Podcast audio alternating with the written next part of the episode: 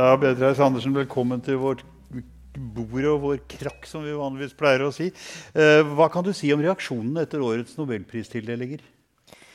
Eh, vel, Da jeg annonserte dette for et stort pressekorps, så var det vill begeistring. Eh, de opplevde jo at de alle sammen også hadde fått prisen. Eh, men, og det hadde de jo, på sett og vis. Eh, eh, jevnt over vil jeg si at reaksjonene har vært veldig positive. Jeg opplever at det er en forståelse for at ytringsfrihet er viktig. Og når det gjelder journalister, din profesjon, eh, så synes jeg at reaksjonene har vært at eh, de forstår at det er en viss himmel over det arbeidet man utfører at det er, den, det er, det dagligdagse arbeidet, at man skal levere saker. Eh, men det er også en betydning utover eh, den bylinen man liksom bidrar til. Eh, dette er en samfunnsfunksjon av stor betydning. Den faktabaserte, hederlige journalistikken. Det ligger jo også et nokså klart signal til makthavere og andre som ønsker å begrense friheten, som ønsker å kontrollere pressefriheten i dette, vil jeg tro? Altså, det fins vel ikke den makthaver, verken uh, demokratisk eller autoritær, som utelukkende elsker pressen. Og det er jo fordi pressen har en funksjon. Uh, blant annet, en av flere, men en av dem er jo å være maktkritiske. Det som er helt sikkert, er at enhver autoritær leder vil samtidig erklære den frie eh, journalistikken som en fiende. Eh, det, eh, man behøver ikke være så fryktelig autoritær leder engang før man ser det. Vi har jo nettopp hatt en president i USA som hadde et meget anstrengt forhold til journalister, og formulerte det veldig tydelig at journalister var en upålitelig stand som spredte fake news men uh, når friheten innskrenkes, så innskrenkes også ytringsfrihetens kår. Men Vil en sånn pris som dette, eller en sånn tildeling som dette også kunne legge et press på de som ønsker å bruke sterke midler for å gjøre noe for å stoppe dem? Og for å stoppe pressen? Altså jeg mener, Vil det være et signal som vil kunne påvirke politikken i disse landene? Det er jo en av prisens begrunnelser. Det er jo å løfte opp hvor viktig ytringsfriheten er for å kjempe for, uh, for å beskytte demokratiet og skape stabile samfunn. Um, og ja, det er et signal. Uh, og de to prisvinnerne, uh, Maria Ressa og Dmitrij Muratov, kommer jo fra land hvor ytringsfriheten definitivt har vanskelige kår. Men de kommer heller ikke fra land hvor ytringsfriheten er ranket absolutt på bånn. Um, det er også viktig. Nei, men altså, det er jo et poeng at seks journalister i uh, Novaja Gazeta, altså Moratovs avis, er skutt og drept fordi de har gjort ting som noen ikke liker. Og det er jo også et notorisk faktum at den damen fra, fra Filippinene har jo altså da blitt truet av presidenten på livet på direkten på TV mens hun satt og intervjuet ham. Absolutt. Og hvor han da stolt og glad sier at 'jeg har drept før', så det koster meg ingenting. Det er jo en forholdsvis barske signaler, dette her. Det er meget barske signaler, eh, og det er meget barske ledere, for å si det slik. Mm. Eh, jeg vet ikke hvor engstelige de blir av at eh, noen får en fredspris. For jeg tror de ikke helt beveger seg i den sfæren. Men det er jo et signal. En fredspris medfører alltid det at verdens øyne rettes mot eh, det arbeidet som prisen gjelder. Mm. Og det er et signal ikke bare til Putin og Duterte at verden ser dere, men til en rekke andre autoritære ledere også. Men nå er det jo for så vidt ikke noe nytt da, at diktaturer så har pressen barske kår, for å si det forsiktig. Men, og det er jo altså slik at Journalister er jo ikke akkurat sånn veldig ofte tilbakevendende på listen over kandidater til Nobels fredspris. Det har vel ikke vært så veldig, veldig mange tildelinger i den retning. Er dette også da et signal fordi dere ser et problem med ytringsfriheten generelt? Altså Én ting er at den er utsatt for barske midler i diktaturer som bruker barske midler. Men problemet er vel også at den er kanskje truet i uh, andre områder som ikke går så hardt til verks, men som likevel undertrykker det frie ord. Ja, Skal vi ta en lite grann Nobelhistorie? Det var kanskje et litt ledende spørsmål, dette her, men altså det jeg ja, mener, spørre da, om det var et vesentlig element hos dere? Ja, men ja. siden jeg er allergisk mot ledende spørsmål som advokat, så tar jeg bare en litt annen vei inn. Ja. Fordi i Nobelhistorien nå må Jeg si, jeg husker ikke helt hvilket år, men ganske tidlig på 1900-tallet så var det en italiensk journalist, Theodor Moneta, som 1907. fikk Takk. Eh, som fikk eh, fredsprisen. Og han tilhørte den klassiske fredsbevegelse fra slutten av 1800-tallet. Og benyttet sin rolle som journalist som plattform for å agitere for sitt syn. Så kommer prisen til Osietskij i 1936, som også var journalist. Og han hadde avslørt den tyske opprustning eh, under et sånt eh, Altså at man bygget opp det tyske flyvåpenet under en sånn Lufthansa-slør i strid mm. med eh, Tysklands forpliktelse til å ikke ruste opp. Versailles-traktaten. Ja. Nettopp. Mm. Og det kosta ham dyrt, og han ble sendt i en konsentrasjonsleir. Men det var jo da den konkrete kritikk av opprustning som var begrunnelsen for prisen til Osietskij men også at han derved utfordret makthaverne ved å bruke det frie ord. Mm. Informasjon er farlig. Maktkritisk informasjon er farlig. Hva var spørsmålet igjen? Nei, det, det, var dette ledende spørsmålet da, som egentlig, ja. egentlig, skulle vært formulert dit hen at er dette et uttrykk for at Nobelkomiteen ser at tiden trenger en boost for det frie ord? på en ja, måte? Så har vi kommet til en tid hvor kommunikasjon og medieplattformer er til stede i samfunnet på en måte som det aldri har vært før. Det er jo mer kommunikasjon via medier enn verden noensinne har kjent. Og ja, det frie ord er under press. Det vi, det vi, ser, er jo at uh, antidemokratiske krefter jo bruker demokratiet for å arbeide frem en kamp mot demokratiet. Bl.a. slik i hvert fall Viktor Urbans politikk i Ungarn er definert. Slik det politiske partiet Lov og orden eller hva det nå heter i Polen holder på osv. Man faktisk altså begrenser ytringsfriheten bevisst. Eh, for å beskytte sine politiske systemer. Og det er vel noe nytt, dette? er ikke det? I hvert fall i moderne tid. Ja, Jeg vet ikke hvor nytt det er, for det, det, har jo skjedd før. Demokratiet er jo den styringsform som kan avskaffe seg selv. Det var jo det som skjedde med Weimar-republikken mm, før mm. nazismen kom. Men um, det, det, som, det, ligger et resonnement hvis jeg får lov å bruke litt tid på det, det ligger faktisk et resonnement bak årets tildeling. Fordi dette er jo ikke en journalistikkpris for journalistikkens skyld. Det er en fredspris fordi vi mener at ytringsfrihet og fri og uavhengig kvalitetsjournalistikk bidrar til å bygge fred. Hvordan gjør de det? Jo, fordi er, den bygger på teorien om den demokratiske fred. At demokratiske stater ikke går til krig mot hverandre. Og de går svært sjelden til angrepskrig i det hele tatt. Slik at demokratiet er en samfunnsform som er eh, fredsfremmende i seg selv. Og hva er det demokratiet er absolutt helt avhengig av?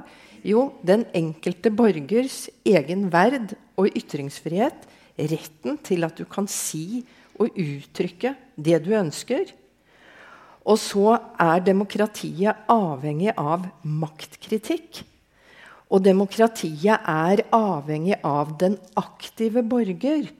Og ytringsfriheten gir kunnskap, gir um, en, en, en, ytringskultur. Man sier ofte altså det utdanner borgeren til å bli en ansvarlig eh, eh, deltaker i et demokratisk samfunn.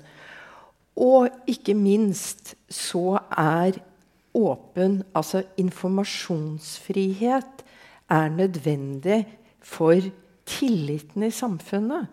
Eh, det er den, den misvisende informasjon, eh, kampanjer med usannheter, som skaper usikkerhet, ryktespredning og kan si, aggresjon i mange retninger. Det betyr jo altså at prisen har et åpenbart budskap til vår tid. Definitivt. Og det betyr vel også at vår tid da er eh, full av saker og ting som vi ikke syns peker i riktig retning. Vi fikk fenomenet fake news med dunder og brak under Donald Trump bl.a. Og vi har jo også sett hvordan kritikken mot sosiale medier går på dette med at sannheten blir manipulert på forskjellige steder. Ja. Er det et problem i vår tid? Definitivt. Men det er omfanget er veldig tidstypisk. Men fenomenet er jo gammelt. Altså, man sier jo det at det første som forsvinner i krig og konflikt, det er sannheten. Propaganda, finbilder, desinformasjon er jo en del av krigens og konfliktenes metoder. Men i vår tid, hvor vi kommuniserer så mye og på så mange plattformer, og vi lytter til eller ser på noe eller leser noe nesten ustoppelig gjennom dagen, så har det ikke vært sannhetsfremmende, men det er desinformasjonsfremmende. Men hvis vi sier at, at sannheten er det første offer i krig og konflikt, så er vel altså situasjonen at det er også blitt et offer der det ikke er noe særlig krig og konflikt. For selv om det er mye uro rundt de forskjellige steder i Europa og USA, så kan vi vel ikke akkurat kalle det krig. Og det er jo altså slik at, at, Fake news og en lang rekke andre av de fenomenene vi har sett, har jo blomstret noe så vanvittig opp i den senere tid. Ja, men jeg tror allikevel at øh, selv om det ikke er krig og konflikt, så tror jeg den type desinformasjon og manipulering som kan skje gjennom medier, sosiale medier, bidrar til konflikt i samfunnet. Der har vi mange lærestykker i Europa. Og det er å skape nye fiendebilder. Det er å støtte opp under sosial uro. Um, desinformasjon om alt fra vaksiner til minoriteter, til folk med ulike seksuelle legninger, til eh, finansiering av universiteter, religiøse grupperinger, jeg vet ikke hva. Mm. Og alt dette er jo veldig polariserende og konfliktskapende i et samfunn. Men har da de demokratisk valgte sentrale myndigheter begynt å miste taket på en del av dette? Altså Fungerer ikke demokratiet så safe og sikkert som det er forutsatt at det skulle gjøre? Når dette kan skje? Når disse tingene kan få utvikle seg? Altså, jeg mener at eh, en av de største truslene i vår tid er nettopp det. Virkningen av desinformasjon i samfunnet. Og at vi har opp opplevd hvor skjøre demokratiene mm. er. Eh, altså, vi ser jo tendenser i USA at en, en, stat som ikke greier å være helt styringsdyktig fordi samfunnet er så polarisert mm. og samtidig utvikler en del autoritære eh, tendenser. Det er ikke knyttet til én spesiell president. Vi har, vi har sett i Europa Polen, som var eh, eh, best i klassen når det var, gjaldt å være et nytt demokrati, tilpasset seg EU, har utviklet seg i en autoritær retning. Eh, Likeså i Ungarn. Og det er jo hele tiden en, fullt av en retorikk med fiendebilder. Altså Polen har fått en sånn voldsom nyreligiøs eh, utvikling. Hvor alle andre hva skal vi si, sekulære, liberale livsformer blir ansett som nærmest statsfiendtlige. Mm. Det er den type polarisering jeg tror er uh, farlig. Og jeg sa jeg kom til å snakke litt om sikkerhetspolitikk, selv om jeg snakker om ytringsfrihet. For dette er jo nettopp den type ting som uh, skaper uh, konflikt, om det nå ikke er eh, krig som er eh, blitt et faktum. Riktig ennå, da. Ja, mer enn det. Altså, jeg, kan, jeg har et sitat her. De som får deg til å tro på absurditeter, kan også lett få deg til å begå grusomheter. Nettopp. Dette er altså Voltaires ord fra midten av 1700-tallet, men det har jo en sånn litt ekkel aktualitet i våre dager. Ja, og en retorikk hvor man snakker veldig nedsettende om andre mennesker. Mm. Eh, som Altså vi, vi, vi, kaller det litt sånn stuttumretorikk, og hvor uh, alle som mener noe altså De er tulling, og du er en jævla kjerring, og alle slike ting. Men det er jo summen av det hele. Bryter ned menneskeverdet. Bryter ned respekten for den andre. Uh, og det er definitivt ikke fredsskapende. Nei, altså Det er jo grunn til å minne om at redaktør og tidligere Trump-rådgiver Steve Bannon altså er siktet for forakt for de demokratiske prosessene. Da, da liksom Påtalemyndigheten har definitivt brakt på det rene at han var en kjerneperson i krigsrådet uh, foran 6.1, altså stormen på Kongressen. Uh, og etterpå reklamerte med Finn og Klem for dette på sine forskjellige hjemmesider. er det er kanskje det vi snakker om?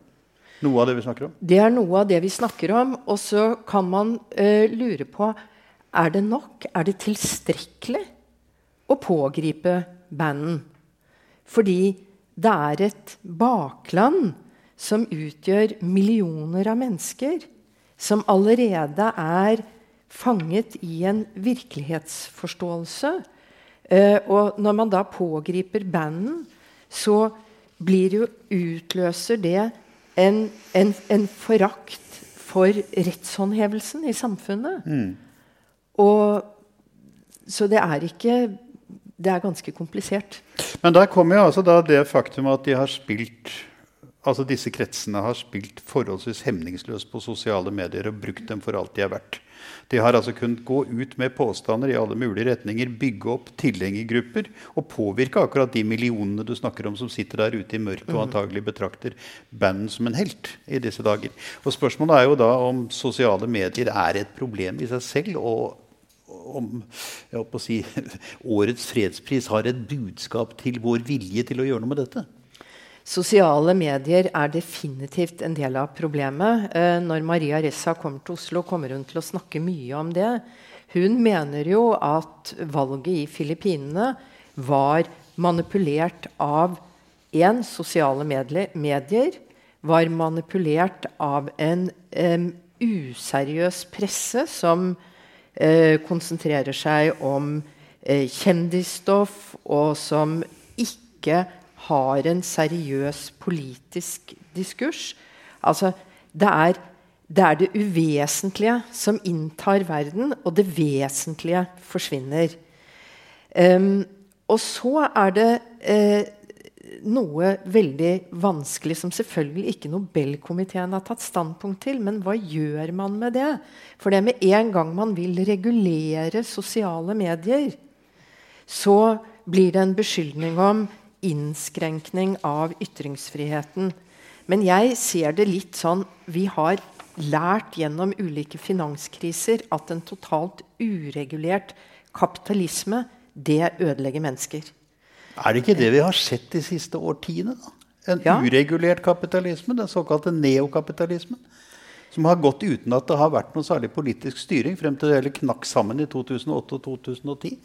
Ja, det svaret er ikke entydig, for det har vært litt ulikt etter hvor du er hen i verden. Men øh, øh, kapitalismens øh, hjemland, USA, mm. har jo også forstått at man trenger reguleringer av finansmarkeder. Man trenger kontrollsystemer. Det er ikke fair play hvis vi kan drive med innsidehandel og slike ting.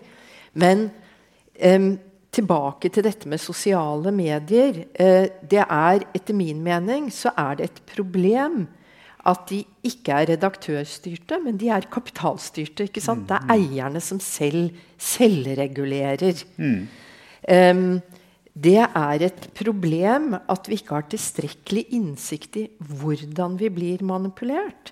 Og når man bare ser seg rundt på trikken eller uh, altså på vei til jobben, og hvordan vi alle bare vi har et øyeblikk ledig, så er vi inne i mobiltelefonene våre. Og det er ikke Det er mest Facebook det går på. Mm. Um, og det gjør noe med oss. Og spørsmålet, den krevende debatten vi må ta, hvor skal vi finne balansegangen? Fordi jeg vil ikke ha en frihet, en ytringsfrihet, som gir kapitalen mulighet til å manipulere meg. Men samtidig vil jeg ha en reell ytringsfrihet. Altså, og det er ikke så lett da, å designe. Du, du, skal ikke få et ledende spørsmål, du skal få en meningsytring. fordi jeg tross alt har tilhørt denne bransjen og har skrevet en del bøker om dette her tidligere også. Men jeg vil jo si at du ser en klar eh, forverring av pressens forvaltning av sannhetskriteriet fra og med omtrent 1980, hvor lovene for eierskap i pressen blir endret. Og hvor altså de tradisjonelle kapitalistene kommer frem, altså de som skal tjene forte penger. Og du får en satsing på kjendisjournalistikk, på forbrukersjournalistikk, hvor du fremmer en slags mm. hedonistisk kultur etc., etc., som mm. overskygger det primære behovet for å ha et vesentlighetskriterium i bunnen av dette. her. Og det er vel det du også ser en refleks av. da. Der kommer spørsmålet ikke-ledende. Det er kanskje det vi ser en refleks av i Det var overhodet ikke ledende, og svaret er ja. Nei, det var det jeg trodde. Men det er jo altså et poeng her. fordi at eh, eh, I ethvert sånn politisk system du har, så vil man si at alt som skaper økonomisk vekst, er av det gode. Og enhver politiker vil kjempe for økonomisk vekst ut fra den forutsetning at dette gir gode samfunn. Mm. Mitt spørsmål er jo da er ikke forutsetningen for at det skal gå slik at noen sørger for at disse pengene kanaliseres inn til å bli gode samfunn, og ikke bare mm. ender i lomma på en stadig mindre gruppe som blir stadig rikere og forvalter stadig mer av verdens ressurser? Og dikterer betingelsene. Ja, og, og, og dette er et litt sånn komplisert bilde. For det eh, politikken og journalistikken kan til tider være i lomma på hverandre. Ikke sant? Mm. Altså, de bruker hverandre. Um, og så er det det argumentet når du snakker om kjendisjournalistikk og forbrukerjournalistikk. Jeg er veldig fascinert av sykdomsjournalistikk. Det er merkelig hvor fokusert denne delen av pressen er på sykdommer og ekle Du snakker om Dagbladets forhold til flått? Ja, for eksempel. Ja. Mm. men um, uh, uh, så sier man ja, men det er jo bare det folk vil ha. Um, men det er jo Folk ville jo røyke også. Ikke sant? Uh, jeg ville røyke. jeg røykte som bare det. Men det er jo også deilig å bli fri fra åket. da.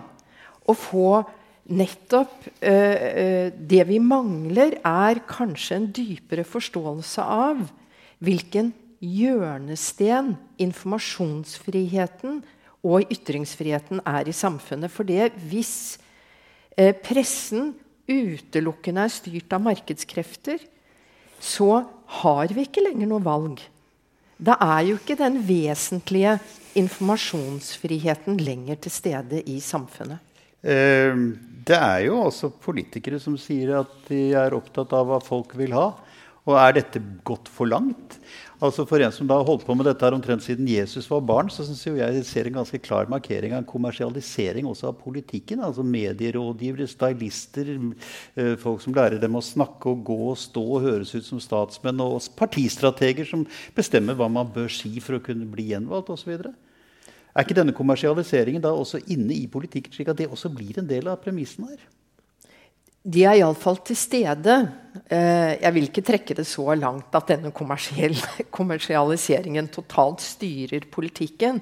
Men det vi må være klar over i vårt samfunn Jeg kan trekke en, en, en parallell til justissektoren, som jeg jo også representerer.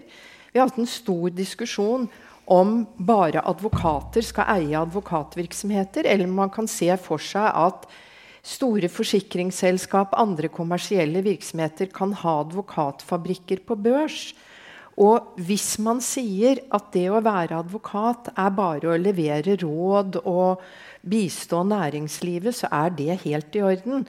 Men hvis man mener at en velfungerende justissektor er en del av rettsstaten, så er det bekymringsfullt. Og det er det jeg også sier om pressen. Pressen leverer ikke bare nyheter. Men det er en del av demokratiets grunnleggende behov for punkt 1 frihet til å ytre seg, og punkt 2 frihet til å få den informasjon man ønsker og trenger. tilbake til justissektoren et lite øyeblikk. Du har ganske solid erfaring fra økonomisk kriminalitet. Altså som jurist. Behandlingen av økonomisk kriminalitet, med det. Eh, altså, kan jeg stille deg et spørsmål? Vil du si at samfunnsmoralen har endret seg i løpet av de senere årtiene? Nei, det vil jeg ikke si. Den er ikke blitt mer relativ? Jeg er ikke så sikker på at jeg har full oversikt over hvordan den var før. Eh, og så, jeg, så butter jeg alltid mot at folk var så mye ærligere og så mye snillere før. F.eks. når vi snakker om finanssektoren. Da den var mer uregulert. Det er jo ikke så mange år siden. Det var helt alminnelig at folk satt på teaterkafeen og fortalte hverandre om selskapshendelser, og nå må du løpe og kjøpe den aksjen eller selge unna. Og man kom unna med det. Eh, tvert imot vil jeg si at veldig mye mer er regulert. Handlingsrommet har blitt mindre. Korrupsjonslovgivningen vår er bare 20 år gammel. Og for 20 år siden så, så den helt annerledes ut. Og det å eh, betale bestikkelser i utlandet. Det var jo virkelig relativisering. Nå er det, nå er det liksom så mange internasjonale virkemidler både for å bekjempe skatteparadiser, korrupsjon, åpenhet eh, eh, kontrollorganer i finansverden. Så nei, jeg tror kanskje nesten motsatt. Demokratiet fungerer som et spill mellom forskjellige holdninger. altså Du får en debatt gående fordi folk mener forskjellige ting. Det er liksom vitsen med et parlament, sånn som vi har det. Og det er et mhm. valg som avgjør hvem det er som får et slags overtak for en periode. Det pleier jo et demokrati mhm. stort sett å gå den andre veien. Det er jo altså slik at Nobelkomiteen er sammensatt omtrent sånn som Stortinget, er ikke det? Altså Dere har jo partiutnevnte medlemmer. Er politiske, prinsipielle spørsmål en del av debatten innad i, i Nobelkomiteen også? Nå vet du at eh, jeg arbeider under eh, en plikt pålagt av Alfred Nobel mhm. at derom skal inte tales, Nei, står det i testamentet. Og det vi ikke skal snakke om, er hvordan vi forhandler i Nobelkomiteen. Men det jeg kan si til deg, det er selvfølgelig det, altså, det er Alfred Nobel eh, tilla det norske Stortinget å peke ut fem medlemmer til Den norske Nobelkomité. Og når du gir en slik oppgave til et politisk organ, så blir det også politisert. Eh, og det er det jo. Og alle som sitter i Nobelkomiteen, vet hvilken partigruppe som har valgt dem inn. Jeg er valgt inn av Arbeiderpartiet. Mm. Um, men så spør du vel egentlig om Kjemper vi en partipolitisk kamp i Nobelkomiteen? Så er svaret nei. Fordi min erfaring med etter hvert ganske mange ulike medlemmer i komiteen gjennom tolv år, det er at man legger av seg den partipolitiske hatten i, når man kommer inn i komiteen, fordi lojaliteten ligger til Alfred Nobels testament av kriteriene som er der. Men at det er ideologiske forskjeller, eh, forskjeller mellom oss, det sier seg selv. Jeg opplever det som ganske fruktbart. Fordi eh, diskusjonene i Nobelkomiteen er mer hva skal vi si, utforskende enn konfronterende. Og jeg merker eh, altså de, de de eh, motspørsmålene og mothensynene som er helt nødvendige i en slik prosess, at de kommer både fra høyre og venstre, det gjør prosessen bedre. Er det vanskelig å bli enig? Det er krevende å bli enig. Og skal så være? Ja. Det er aldri lett å velge en prisvinner. Det er en krevende prosess. Hva slags apparat har dere å støtte dere til? Altså, Nobelinstituttet har en egen uh, respektert uh, forskningsavdeling, men er det nok? holdt jeg på å si? Nei, vi har jo ikke en forskningsavdeling mer. Den er nedlagt. Har, du har kanskje lest i avisen at vi har veldig dårlig økonomi. Ja, det har jeg sett i et om, ja. Men vi har en utmerket direktør som ja. har en solid uh, akademisk forankring. Og vi har eh, faste konsulenter som kommer fra norske læresteder og forskningsinstitutter. Eh, og som vi bruker eh, vi, vi, Hele prosessen når vi eh, peiler oss inn på enten det er et emne, en region, en person, så ber vi om utredninger. Slik at vi har en akademisk analyse i ryggen. Kom, altså når vi kommer, begynner å nærme oss kort-kortlisten, så har vi mange utredninger. Hvor mange er på går, kortlisten? Ja, Det kan variere fra år til år. Men det, er, altså bortimot 300 kandidater i sånn pluss-minus? Ja, Det er det vi offentliggjør. Hvor mange som var nominert uh, det enkelte år. Og de senere år så er det pluss-minus 300. Da. Mm.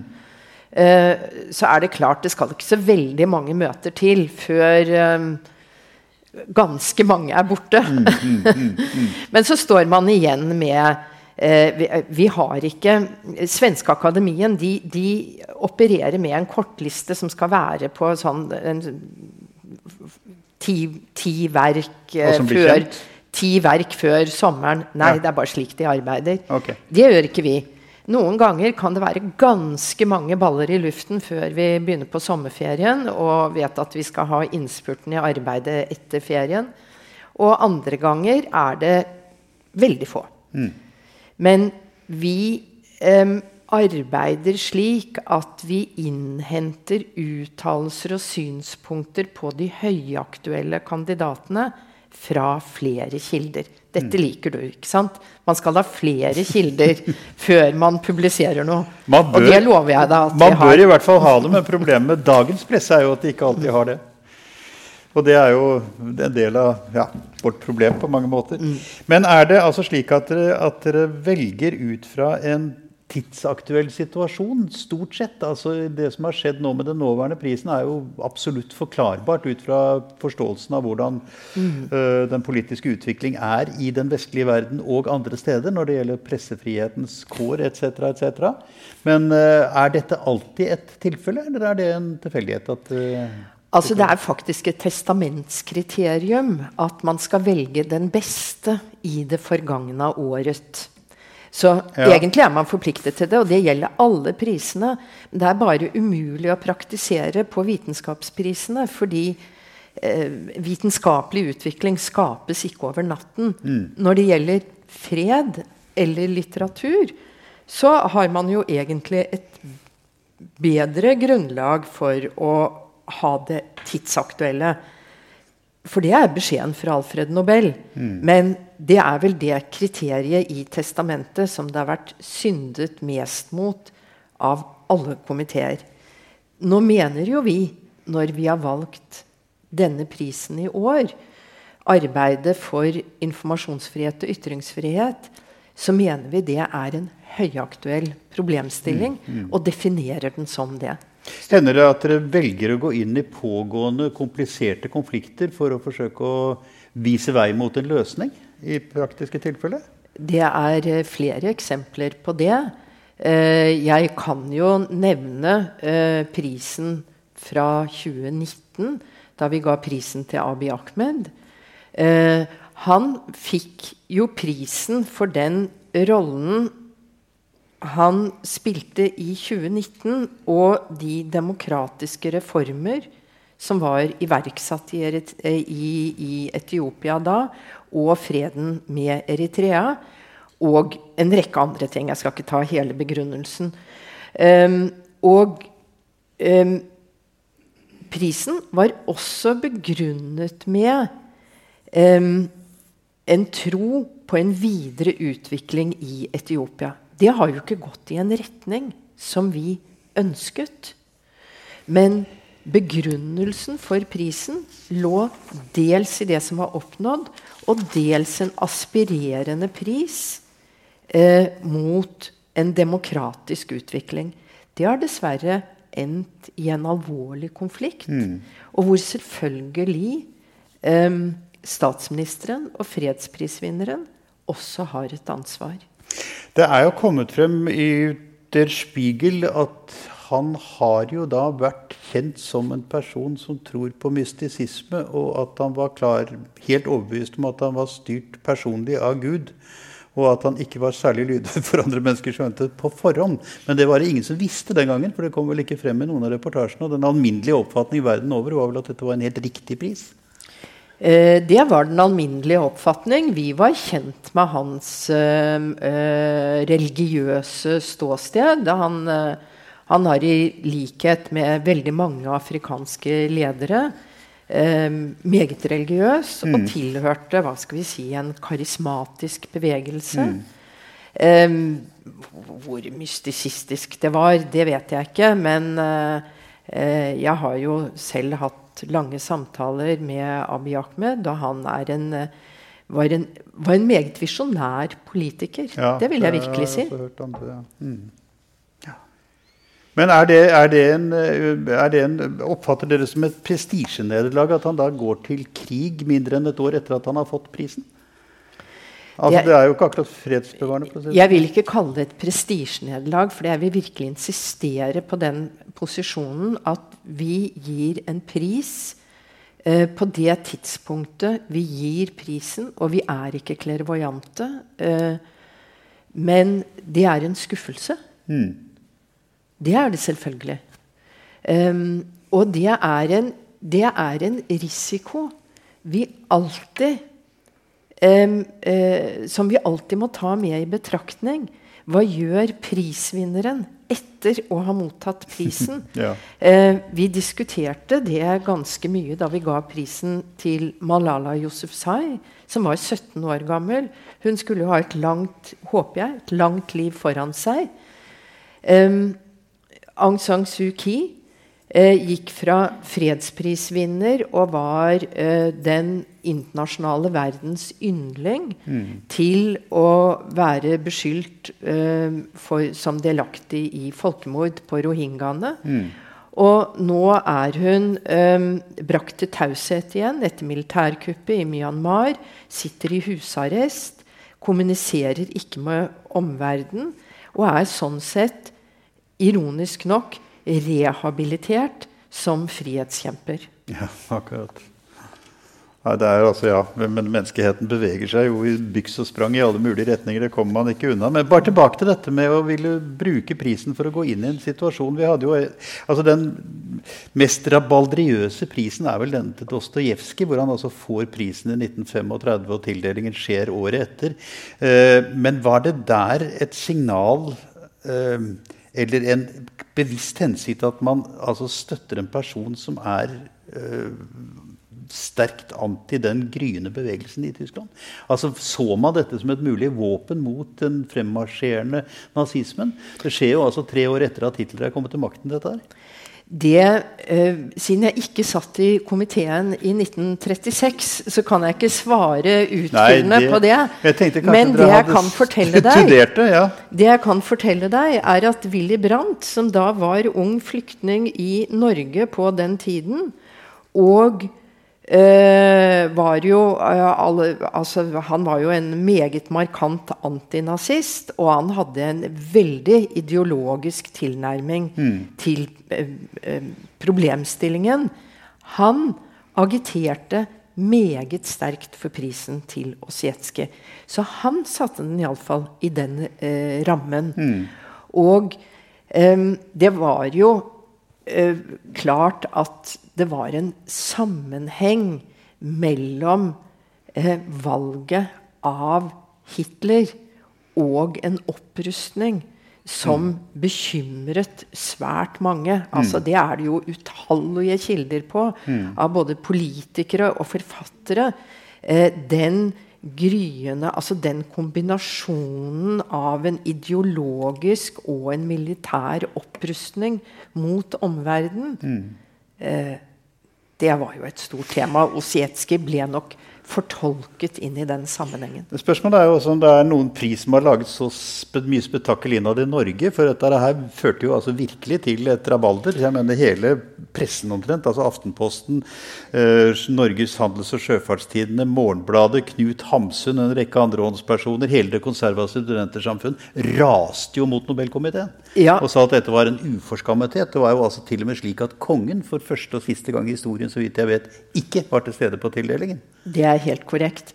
Uh, og uh, nå husker jeg, var det Aftenposten som formulerte en unnskyldning til Ja, Hitler for denne ja, uforskammethet. ja.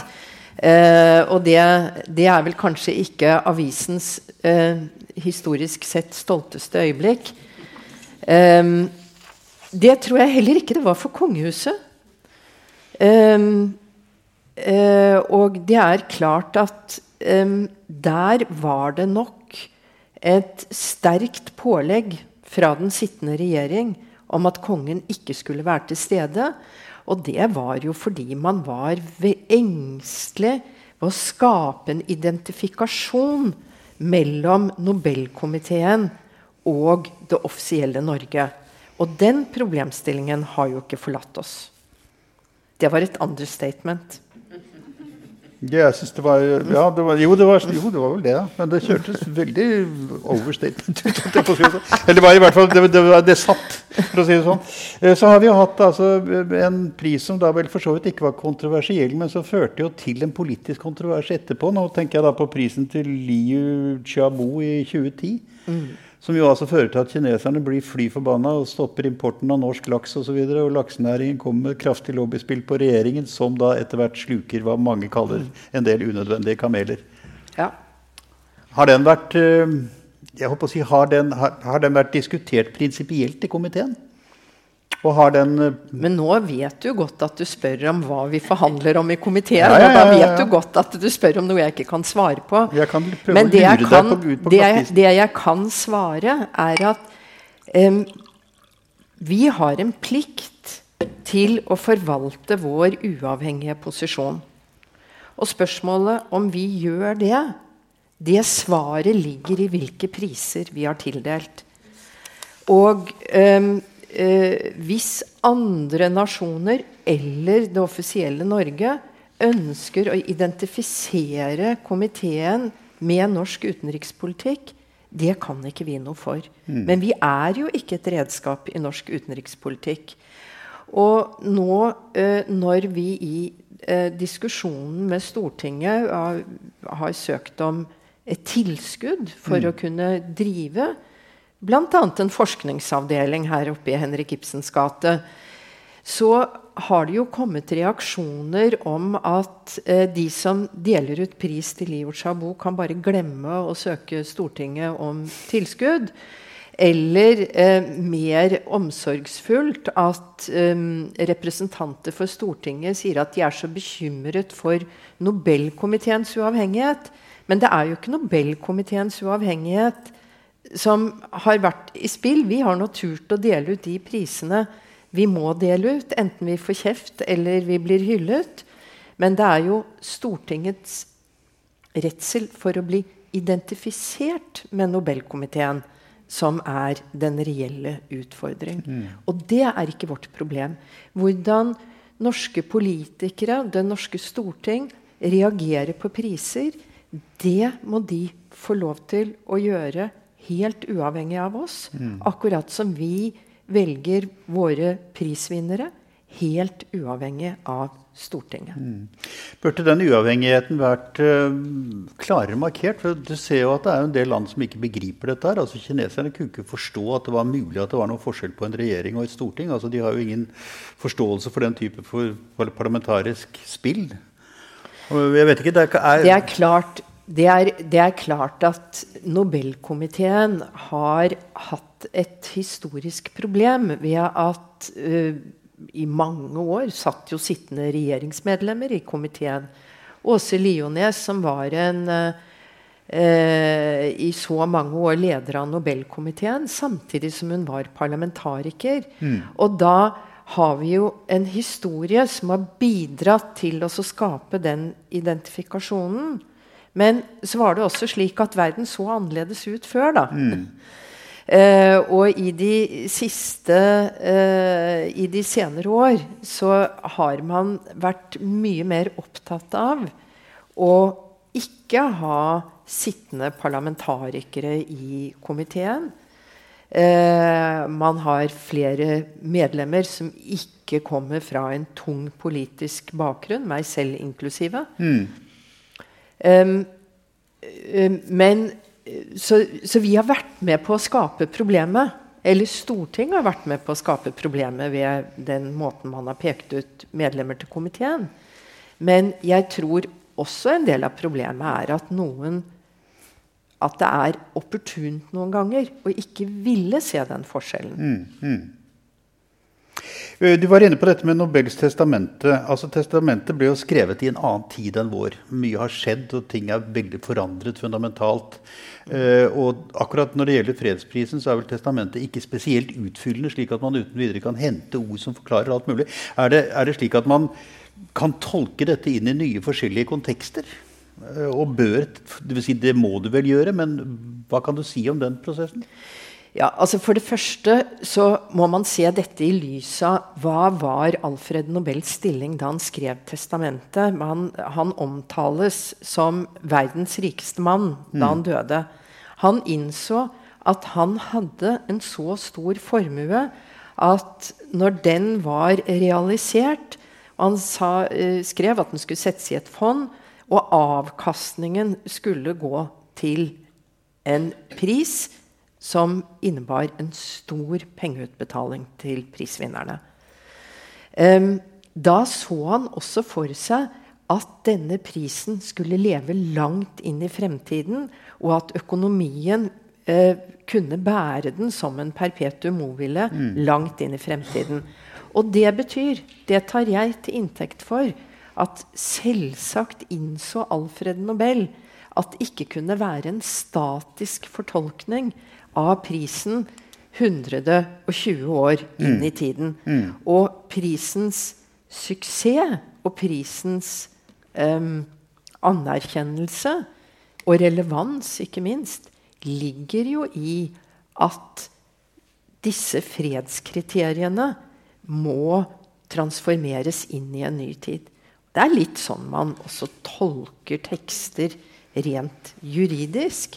Man skal ta utgangspunkt i ordlyden, og så skal du se på eh, eh, testators vilje, hvordan han forsto, og hvilket verdensbilde han hadde.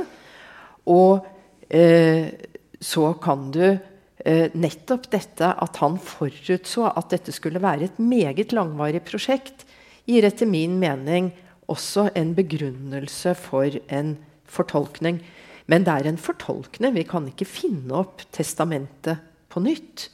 Jeg fikk uh, her forleden en mail om fra en hyggelig mann som sa jeg har en fantastisk idé. Vi må etablere en nobelpris for klima. Men altså det kan iallfall ikke jeg bidra med. Mm. Og en nobelpris er jo per definisjon en pris som er innstiftet av Alfred Nobel.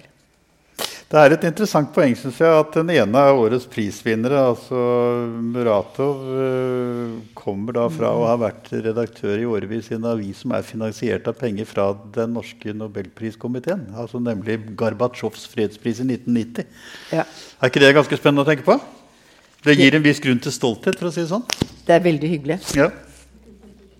Det var altså et interessant poeng også, synes jeg, at uh, Muratov selv sier jo at han var overrasket, og at han hadde en annen kandidat enn seg, for å si det sånn, nemlig, nemlig Aleksej Navalny. Som jo er altså en politiker i sterk opposisjon til Putin, og som av den grunn sitter i fengsel. Uh, jeg kan ikke spørre deg om han var kandidat, selvfølgelig, men uh, ja, men jeg kan jo si til deg at uh, årets fredspris er jo ikke en pris mot Putin eller mot Duterte for den saks skyld. Det er en pris for ytringsfrihet og informasjonsfrihet. Og den alternative kandidaten som Muratov løfter frem, representerer jo ikke det. Nei, det gjør ikke det. Jeg tenkte på en annen ting. og det er altså at hun, hun Maria Ressa har jo altså da vært utsatt Hun har jeg tror ti arrestordrer som henger over hennes hode. Hun har jo hatt drapstrusler galore. Bl.a. dette vi snakket om for åpen scene ikke sant, fra presidenten selv. Ja. Eh, vurderer dere kandidatenes sikkerhet? Altså Kunne det tenkes at hun ville bli satt i en håpløs situasjon? Ja. Det er um, det er et uh, etisk dilemma. For det, for noen så kan det jo være livstruende å få en uh, fredspris. Um, men det er også et utgangspunkt at våre kandidater, og da snakker jeg ikke bare om årets aktuelle kandidater, men også historisk, det er jo mennesker Det ligger i sakens natur. Det er mennesker som har satset mm. skikkelig de har satset livet sitt. De har gitt avkall på så mye eh, at eh, Jeg tviler på om nobelprisen kan ta fra dem noe særlig mer. Men nobelprisen har også en støtte fordi verdens oppmerksomhet følger fredsprisen. Men det er ikke en helt ukjent problemstilling for oss at vi må eh, ta den menneskelige faktor med i betraktning. Hvordan opplever du å sitte som ansvarlig leder av Nobelkomiteen? Jeg blir, hvis jeg tenker for mye på det, så blir jeg veldig rett i ryggen og får et veldig stort alvor over meg. um, fordi det er veldig ansvarsfullt. Og det er et arbeid hvor hele verden eh, ser på resultatet, kommenterer resultatet, kritiserer resultatet. Um, og eh, det Hva kan man gjøre med det? Jo, man må arbeide grundig. Og vi arbeider sammen. Jeg er talspersonen, men vi arbeider sammen.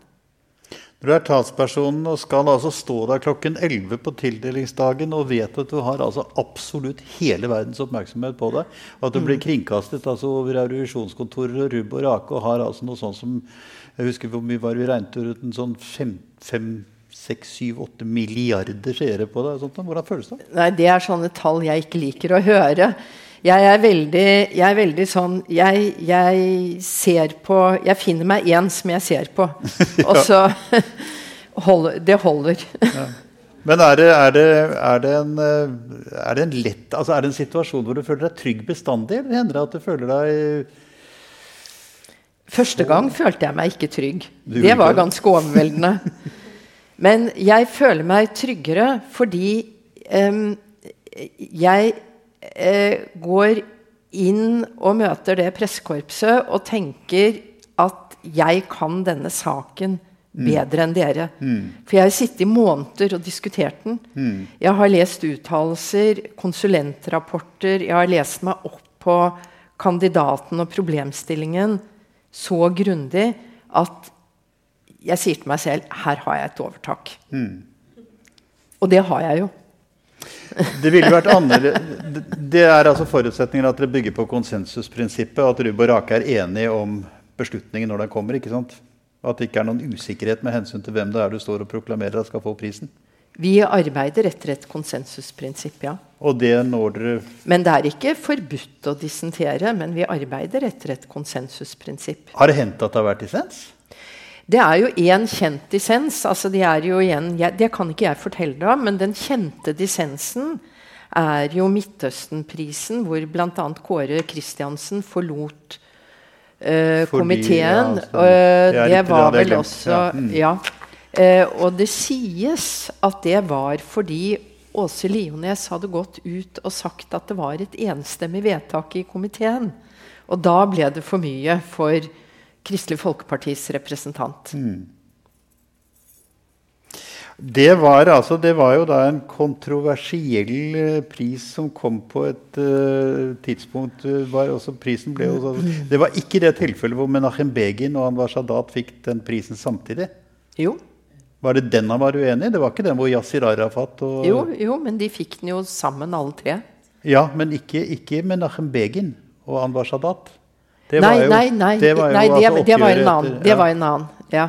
Det var jo i forbindelse med tilbakeleveringen ja. av Sina i sin Riktig. tid. Altså på 80-tallet. Det var en annen, ja. Og den førte jo, den skulle, Det var jo også en pris som hadde en åpenbar eh, fredsfremmende hensikt. som jo da En veldig aspirerende pris. Og det tror jeg ikke at jeg vil oppleve å gi prisen som løser konflikten i Midtøsten. Dessverre. Ikke helt, nei. Hvordan får du tilværelsen til å henge i hop? Altså, du sitter i Nobelkomiteen, men du er også advokat. Det er jo, jeg ville tro, kanskje ut fra det du sier nå, at ansvaret ved å sitte i Nobelkomiteen virker relativt dominerende på hele ditt livsløp? liksom? Altså At det i hvert fall utgjør en temmelig vesentlig del av det? Ja, men Det gjør også mitt advokatarbeid. Når du er prosedyreadvokat og skal gå i retten og være forberedt og ha ting klart og på stell, ja. Eh, så er det også en veldig sånn driver. Så jeg lever jo et veldig sånn Hva skal jeg si Jeg lever et liv hvor jeg må prestere veldig ofte. Eh, men det er også det som driver meg. Eh, jeg kunne i prinsippet ha gått av med pensjon, men det har jeg ikke noe lyst til. Jeg liker veldig godt det jeg gjør virker sånn gjensidig forsterkende på hverandre. Det Britene kaller cross-fertilization. dette her, At du blir en bedre advokat av å være formann i Nobelkomiteen og en bedre formann i Nobelkomiteen fordi du bl.a. er strafferettsforsvarer. Altså definitivt. Ja. Det, er, eh, det, er, en større sammenheng enn man skulle tro. Eh, for det første så er det det jeg har med meg fra advokatverden, er jo eh, treningen i og metodikken for å analysere en problemstilling og spisse den ganske kjapt. Men enda viktigere er det har ikke vært så mange advokater eller jurister i det hele tatt. Det har ikke vært noen advokater, men det har ikke vært noen særlig jurister i Nobelkomiteen. Som jeg syns er litt merkelig, fordi eh, Alfred Nobels visjon som et alternativ til krig og konflikt var jo rettslige løsninger. Eh, interparlamentarisk voldgift, voldgift i det hele tatt, instrumenter, altså rettslig bindende instrumenter, som kan være et alternativ. Eh, som kan regulere eh, konfliktløsningen uten vold. Eh, og i vår tid, eh, altså hvis vi tenker fra eh, slutten av annen verdenskrig, så har vi jo hatt gjennom de 70 årene en periode som har vært en rivende utvikling når det gjelder internasjonal rettsorden, og et nedslagsfelt for hva som er rettslig regulert, eh, som har eh, utviklet seg helt enormt. Og Det er veldig spennende. Og det går rett inn i hele fredstanken. Jeg hadde en gang i tiden ganske god kontakt med en av Margaret Thatchers utenriksministre, nemlig Douglas Hurd. Og Han eh, satt jo altså da som ung diplomat i Roma og kjedet seg. Så skrev han en roman sammen med en kollega, og det ble så mye av en suksess at han fortsatte med det resten av livet. Det ble hans hovedbeskjeftigelse ved siden av politikken. da. Du har jo også skrevet en roman sammen med en annen. for å si det sånn. Har du noen planer videre? Nei. var, var det ikke noe moro, eller? Jo, det var kjempegøy. Ja. Men det var liksom en tid et sted. en tid et sted, ja. Det ga ikke mersmak. Men hva med politikken, da? Altså, Nei, er du satt jo tross alt som statssekretær i Justisdepartementet, og det er politikk? Det ja, jeg tror ikke det er noen som ville drømme om å utnevne meg til statssekretær i dag. Nei, Men noen annen slags politikk, da? F.eks. å søke valg til Stortinget eller noe sånt? Har du noen Nei? Nei, Jeg tror ikke det er noen velgere som ville drømme om å stemme inn en så gammel dame som meg til, eh, til uh, det, eh, det, er jo ikke riktig. til Stortinget Nei, det er jo ikke så veldig mange. Det er jo eh, Nei, når du ser på alderssammensetningen i Stortinget, så tror ikke jeg det er en realitet. Men det jeg vil si, det som er det sanne svaret, det er at jeg opplever jo at jeg driver mye med politikk. Um, I arbeidet i Nobelkomiteen, og jeg har jo hele, gjennom 25 år tror jeg har jeg vært aktiv i ulike verv i advokatsammenheng. Mm. Jeg er aktiv og har verv i International Bar Association. Jeg har arbeidet veldig mye med rettspolitikk. Og foreningslivet har sånn sett gitt meg en politisk plattform som jeg er veldig takknemlig for. Og hvor jeg har rotet meg borti utrolig mange problemstillinger gjennom det arbeidet. Du rotet deg bort i jussen også, har jeg fått et inntrykk av? Ja. Det var ikke noe sånn uten videre gitt uh... Nei, Jeg forsto ikke hva jurister egentlig holdt på med, men jeg snublet nærmest inn på fakultetet der. Jeg skjønte det etter hvert. Etter seks år så skjønte Ja, jeg det. ja, ja. Du angrer ikke på det? Du ville ikke, Hvis du skulle begynt på nytt igjen i dag og tenkt deg grundigere om, ville du valgt et annet studium? kanskje? Overhodet ikke. Nei, der kan du se. Da er det stort sett gått bra da, med det meste. Det har, gått, eh, det har gått ganske bra i den forstand at jeg har hatt den store glede av å ha et arbeid jeg elsker. Og de som har det, de kan dø lykkelig. Vi lar det være siste ord. Jeg ønsker deg lykke til med det meste videre fremover. Både advokatvirksomhet og komitévirksomhet og fred og det hele. Takk for at du var med. Takk skal du ha. Ja.